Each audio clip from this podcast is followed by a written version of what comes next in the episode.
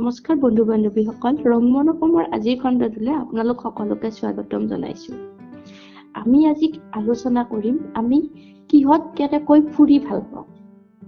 তেন্তে আজি আমি ফ্লাইট জাৰ্ণি হওক বাছ জাৰ্ণি হওক বা ট্ৰেইন জাৰ্ণি হওক তাৰে অভিজ্ঞতা সম্পৰ্কে কিছু কথা আলোচনা কৰিম। তুমি কোৱাচোন তোমাৰ কোনটো ফেভৰেট জাৰ্ণি আৰু কোনটোত বেছি মনত আছে বা মেমৰেবল ইনচিডেণ্ট বাছতে হওক বা ট্ৰেইনতে হওক বা ফ্লাইটতে হওক কিছু কথা শ্বেয়াৰ কৰা। এতিয়া জাৰ্ণি বুলি ক'লে গোটেই গোটেইবিলাকৰে অভিজ্ঞতাটো সুকীয়া সুকীয়া। বাছৰ অভিজ্ঞতাটো এক সুকীয়া অভিজ্ঞতা বা ট্ৰেইনতো এক বেলেগ ধৰণৰ এক্সপিৰিয়েঞ্চ হৈছিল বা ফ্লাইটতো বাৰু সেইটো সম্পূৰ্ণ বেলেগ। গতিকে কম্পেয়াৰ এনে কৰিব নাযাওঁ যে এইটোতকে সেইটো ভাল পাওঁ সেইটোতকে সেইটো ভাল পাওঁ। কাৰণ নিজৰ নিজৰ স্থানত গোটেইকেইটাই ভাল লাগে বা সময় বিশেষে হয়তো কোনোবা এটা বেছি গুৰুত্বপূৰ্ণ হৈ উঠে বা কেতিয়াবা আকৌ আন কোনোবা এটাহে বেছি উপভোগ কৰি ভাল লাগে। গতিকে এনেকুৱা কিছুমান কথা আহি পৰে। এতিয়া সেনেকে চাব গ'লে মই গোটেই এই বাছেই হওক বা ট্ৰেইনেই হওক ফ্লাইটেই হওক গোটেইকেইটাই মই এনজয় কৰোঁ। গোটেইকেইটা জাৰ্ণিয়ে মই এনজয় কৰোঁ। কিন্তু এটা কথা যে মই এতিয়াও জাহাজত গৈ পোৱা নাই। এইটো যিটো পানী জাহাজ সেইটোত মই ইমান বেছি দূৰ গৈ পোৱা নাই। এবাৰ উমানন্দলৈ গৈছিলো। এইটো ভটভটি যিটো কয় আৰু। জাহাজত সেনেকুৱা কোনো জাৰ্ণি মই কৰি পোৱা নাই সেইটোৰ এক্সপিৰিয়েঞ্চ একেবাৰেই নাই। বাকী গোটেইখিনি মোৰ ভালেই লাগে। তুমি কোৱাচোন? ঠিকেই কৈছা তুমি। সময় চাৰ্কামষ্টেঞ্চ ডিপেণ্ড কৰে কোনটো বেছি কনভিনিয়েণ্ট হয় বা কোনটো বেছি ইম্পৰ্টেণ্ট হয়। যদি আমাৰ হাতত টাইম কম আৰু জৰুৰী কাম থাকে তেতিয়া আমি ফ্লাইটতে অভিয়াছলি যাব লাগিব। আৰু কিন্তু যদি ফেমিলি টাইম বা ট্ৰেভেলিং ফান এনেকুৱা কোৱালিটি টাইমৰ কাৰণে মই কিন্তু ট্ৰেইনটো বেছিকে প্ৰিফাৰ কৰোঁ। কাৰণ ট্ৰেইনত যে ছাইডত গৈ থাকিলে চিনাৰীবোৰ দেখি ন সেইবোৰ বিভিন্ন ভিলেজবোৰ দেখি বেলেগ বেলেগ ষ্টেটৰ ত' এটা সেই আমেজটোৱে বেলেগ তাতে ট্ৰেইনত বহি ফেমিলিৰ লগত গেমছ খেলি বা কথা পাতি বাহিৰৰ সেই দৃশ্যবোৰ চাই চাই যাব পাৰি।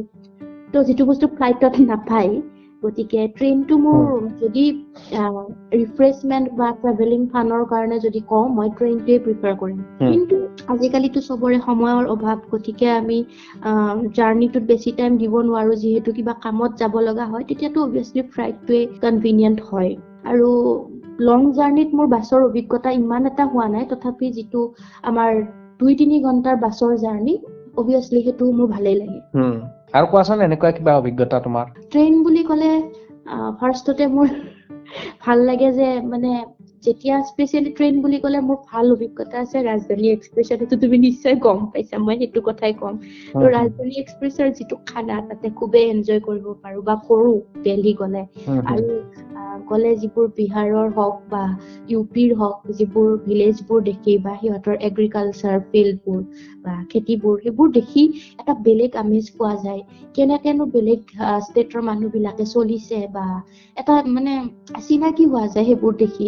আৰু সেই জাৰ্ণিটোৱে মানে এটা বেলেগ এটা বিউটি পাই যায় মানে সেই ট্ৰেভেলিংটো ট্ৰেইনত কিন্তু ফ্লাইটৰ জাৰ্ণিটোত কি হয় খুবেই আৰামদায়ক বাৰু ফ্লাইটৰ জাৰ্ণি বা কষ্টটো কম হয় কিন্তু অলপ বেছি বৰিং হৈ যায় মানে ফ্লাইটৰ জাৰ্ণিটো এনেকুৱা আৰু। আৰু চিপত উঠাৰো অভিজ্ঞতা আছে নোহোৱা নহয় কিন্তু অভিয়াছলি মোৰ ভয় লাগে পানীত। সেইটোৱে। আৰু তোমাৰ মনত লগা এটা বাছ জাৰ্ণিৰ কথা কোৱাচোন? কিবা ভাল এক্সপিৰিয়েঞ্চ এনেকুৱা মনত ৰাখিবলগীয়া? মই জানো তুমিতো বাছত বহুত লং জাৰ্ণি কৰিছা গতিকে অকমান শ্বেয়াৰ কৰা। হয় বাছততো বহুতেই জাৰ্ণি কৰা হৈছে। ত' সেনেকে অভিজ্ঞতাটো হৈছিল।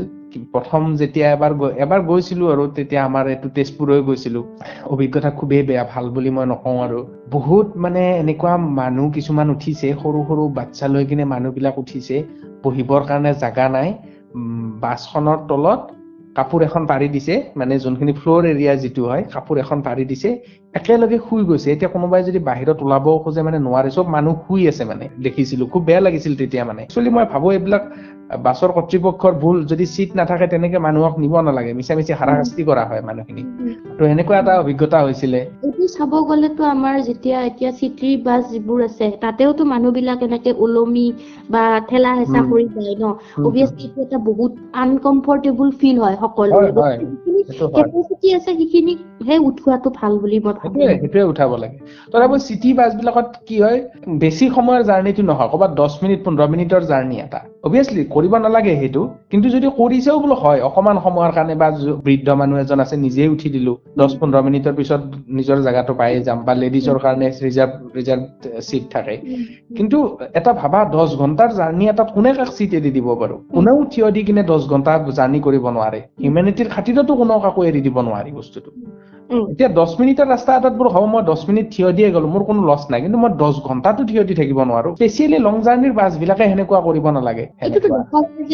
বহুত ট্ৰেইনতো এনেকুৱা হয়। যেতিয়া আমি শ্লিপাৰ ক্লাছত যাওঁ মানে। ৰাজধানীৰ কথাটো বেলেগ তাতে বহুত ষ্ট্ৰিক হয়। ৰাজধানী এক্সপ্ৰেছ বা শতাব্দী এক্সপ্ৰেছ এইবোৰত। কিন্তু এইবোৰ যিবোৰ মানে আমাৰ জেনেৰেল ট্ৰেইন থাকে মই। এবাৰ যেতিয়া এডুকেশ্যনেল এক্সকাৰচন এটাত গৈছিলো একদম ঠিক তুমি যিটো কৈছা বাছৰ কণ্ডিশ্যন ছেম মানে শ্লিপাৰ ক্লাছত সেইটো হৈছিলে।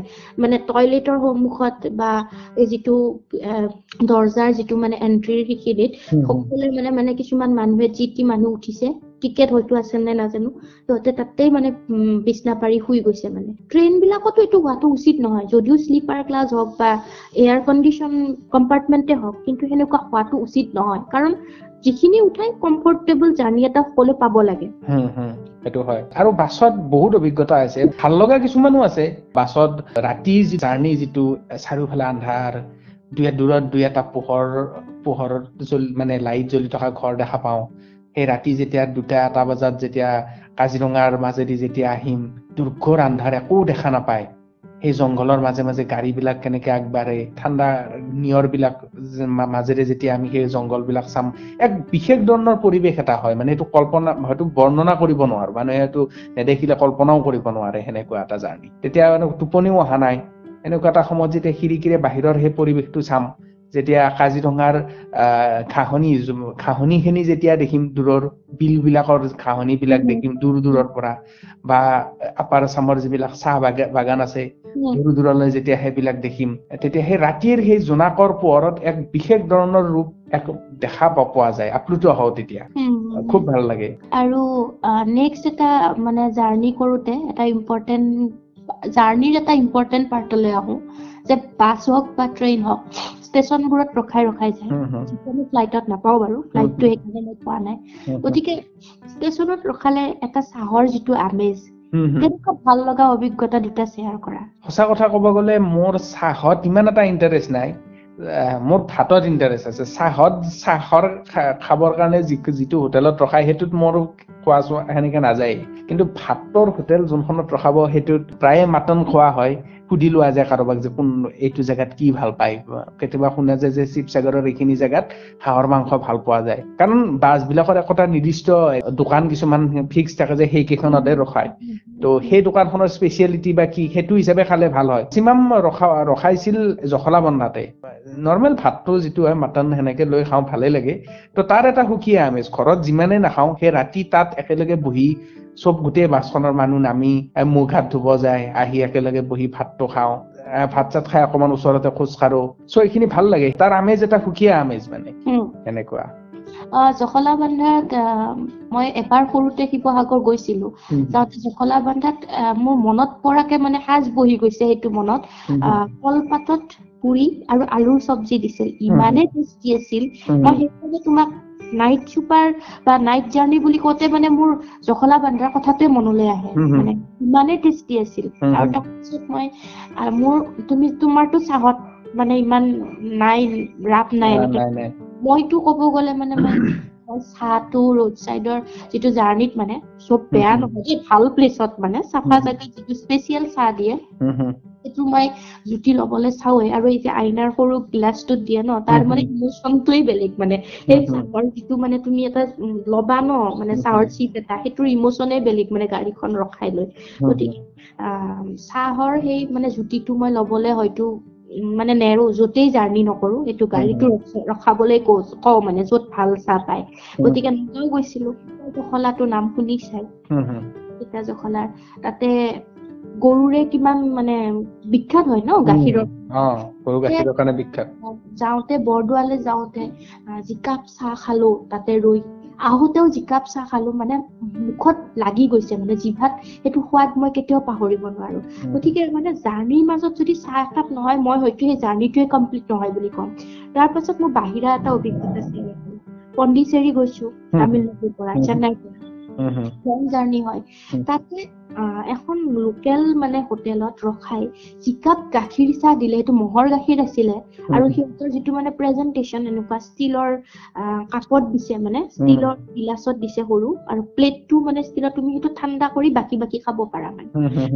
যিকাপ চাহ দিছিলে মইতো ফটোগ্ৰাফী সেইটো কাপ নকৰি পাৰা মানে কৰিছোৱেই ফটো তুলিছোৱে লগতে মোৰ যিটো মানে সোৱাদ মই মোৰ জাৰ্ণিটো কমপ্লিট হৈ গৈছে মানে সেই কাপ চাহৰ জাৰ্ণিত খোৱাটো এটা ইম্পৰ্টেণ্ট ফেক্টৰ হয় মানে। গাড়ীখন ৰখাই উঠি চাহটো খোৱাটো মই খুবেই ইম্পৰ্টেণ্ট মানে এটা মজা এটা পাওঁ মানে। সেইটো মই তোমাক। কেনেকে এক্সপ্লেইন কৰিম মই ভাবি পোৱা নাই মানে। সেইটো। ইনকমপ্লিট ফিল হয় মানে। যদি চাহকাপ খাব নাপাওঁ জাৰ্ণিটো ইনকমপ্লিট হয়। আৰু যিটো ফ্লাইটত একেবাৰেই নাপাওঁ। ট্ৰেইনতো এটা টেনচন থাকে যে ষ্টেচনত নামি ট্ৰেইনখন যদি গুচি যায় কি হ'ব। বাছ বা নিজৰ ইয়াৰ প্ৰাইভেট কাৰত সেইটো খুব এনজয়মেণ্ট ল'বলৈ চাওঁ মানে। সেই চান্সটো মই কেতিয়াও মিছ নকৰোঁ। এতিয়া নেক্সট তুমি অকমান আগত কৈছিলা যে তোমাৰ জাহাজৰ ইমান এক্সপিৰিয়েঞ্চ নাই। তুমি উমানন্দলৈ গ'লা তুমি ক'লা। ত' যেতিয়া উমানন্দলৈ যোৱা তুমি তেতিয়া। তোমাৰ অকমান ভয় লাগিছিলে নে বহুত ভয় লাগিছিল বহুত বেছি। মই অকল উমানন্দই নহয় এবাৰ গোটেই ব্ৰহ্মপুত্ৰখন কাছাৰী ঘাটেদি ইপাৰ সিপাৰো হৈছো আমাৰ নৰ্থ গুৱাহাটীৰ পৰা কাছাৰী ইয়ালৈকে আহিছিলো উমানন্দত যাওঁতে হেৰিত গৈছিলো এইটো যিটো জাহাজ টাইপ আৰু। মই প্ৰপাৰ নামটো নাজানো এইটোৰ সেইখনৰ কি। এখন হৈছে কাঠৰ নাও তাত ইঞ্জিনটো লগোৱা থাকে। সেইখনৰ নাম কি কয় সেইখন সেইখনৰ? সেইখনেইতো ভটভটি হয় অ অ তেওঁ সেইখন ভটভটি মই সেইখনত উমানন্দত যোৱা নাই। সেই সেই তুমি জাহাজত উঠিছা মই মানে জাহাজখনত গৈছিলো। চিট. কেপাচিটি কম কিন্তু। প্ৰপাৰ। চিটত বহাই কিনে লৈ যায়। সৰু সৰু সৰু জাহাজ কেইখন ইমানো ডাঙৰ নহয়। ধৰা বিশ পঁচিশ জন মানুহে বহিব পাৰে সৰু সৰু জাহাজ। কিন্তু কাঠৰ যিকেইখন নাও থাকে ইঞ্জিন লগোৱা ভটভটি সেইকেইখনতো বহুত মানুহ গুচি যায় ন ওপৰে তলে সমানকে লৈ যায় সিহঁতে। ভটভটিটো পাইছো মই তাকে ক'লো যিটো নদীটো পুৰা ক্ৰছ কৰিছো মানে ভটভটিত উঠি। ত' সেইটো বেছি ভয় লাগে। এই ইয়াত অকমান ভয়টো কমেই জাহাজ যিখন সৰু ভটভটিত জাহাজখন। মানে সিহঁতে কি কৰে তলতো মানুহ উঠাই ওপৰতো উঠাই। আৰু গাড়ী বিলাক উঠাই বাইক উঠাই। আৰু যিটো চাউণ্ড মানে ভয়ানক। ভয় যথেষ্ট লাগিছে। ইয়াত সিমান এটা অনুভৱ নকৰিলো এই জাহাজখনত যিখনত উমানন্দ গৈছিলো। আজিকালি নাজানো সেইকেইখন আছে নে নাই। মই টু থাউজেণ্ড এইট এইট নাইনত এইট নাইন মানত গৈছিলো। চ'। তেতিয়া সেই সময়ত আছিল সেইবিলাক। আজিতো এতিয়া দহ বছৰ হৈ গ'ল বহু পুৰণা কথা। ত' আজিকালি কেনেকুৱা নাজানো। এতিয়াতো বাৰু ৰোপৱে হৈ গ'ল। মই যিকেইটা ৱাটাৰ মানে ৱেট জাৰ্ণি কৰিছো চিৰিয়াছলি মোৰ তাতে ভয়টোৱেই এনজয়মেন্টটো মানে ডমিনেট কৰে। ভয় বহুত লাগে পানীলৈ সাঁতুৰিবও নাজানো। এটা সেইটো এটা কথা হয়। আৰু মই কিন্তু মানে হেৰি কি কয় চিট তোমাৰ স্পীড বোটতো উঠি পাইছো। লাইফ জেকেটটো যেতিয়া পিন্ধাই দিছে। মই বোলো হৈ গ'ল। লাইফ হৈ গ'ল। মই জাৰ্ণি কৰিবলৈ আহি এতিয়া মানে এইটো লাইফ জেকেটটো পিন্ধি ল'ব। আৰু ফাৰ্ষ্ট যেতিয়া সৰুতে ফ্লাইটৰ জাৰ্ণি এটা মই শ্বেয়াৰ কৰো। ফাৰ্ষ্টতে যেতিয়া ফ্লাইটত উঠো মানে একদম। সৰুতে আৰু তেতিয়া অকমান ভয় লাগিছিলে। মানে- সেইটোৰ কথা। ফ্লাইটটো যেতিয়া টেক অফ কৰে তুমি যেতিয়া মানে মানুহটো এঢলীয়া হৈ যোৱা ন এনেকুৱা মানে মূৰটো হালি যায় ন। বেকা হৈ যায়। মই ভাবিছো খুলি পৰিব নেকি? অ, পৰিব নেকি? মই ভাবি আছিলো খোপনি নোহোৱা মানে ফ্লাইটটো যদি কিবা কাৰণত ৰখাবও লাগে ওপৰত কি হ'ব এতিয়া? ক'ত পৰিব? পৰিলেতো চেচ কথা। ট্ৰেইনখন বেয়া হ'ল ৰখি গ'ল। বা গাড়ীখন বেয়া হ'ল ৰখি গ'ল। ফ্লাইটখন কি হ'ব? কিন্তু ফাইনেলি ভগৱানক মাতি মাতি কিনে। টাৰ্বুলেন্সৰ সময়তো ভয় খোৱা খাইছিলে চাগে? অ আৰু মোৰ এবাৰ এটা এক্সপিৰিয়েঞ্চ আছে মানে ইমান ৱেডাৰটো বেয়া হৈ গ'ল। এইটো গুৱাহাটী মানে লেণ্ড কৰিব আৰু।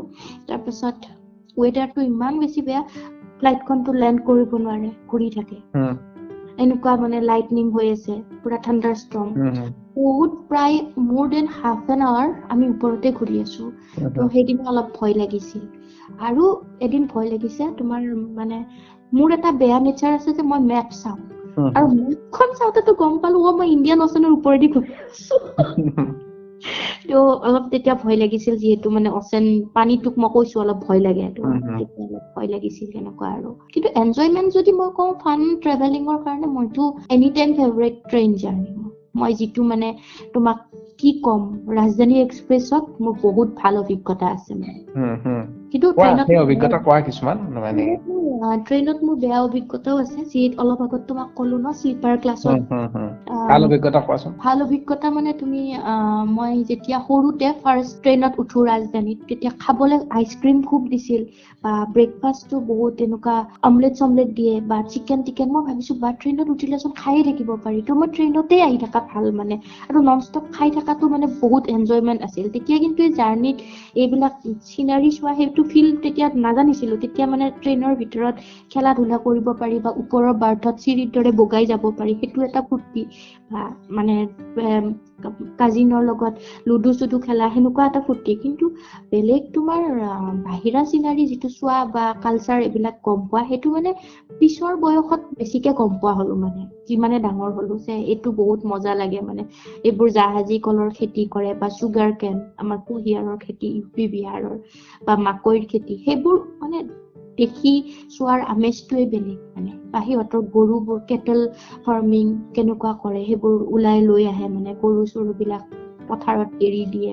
আৰু আৰু এটা ভাল অভিজ্ঞতা হৈছিল যেতিয়া ইউ পি পাৰ হৈ ঠিক মানে দেলহিত সোমাম তেতিয়া বহুত ময়ূৰ পক্ষী দেখিছিলো মানে তাতে ময়ূৰে যিটো চালি ধৰে ন এইটো কি বুলি কয় জানো?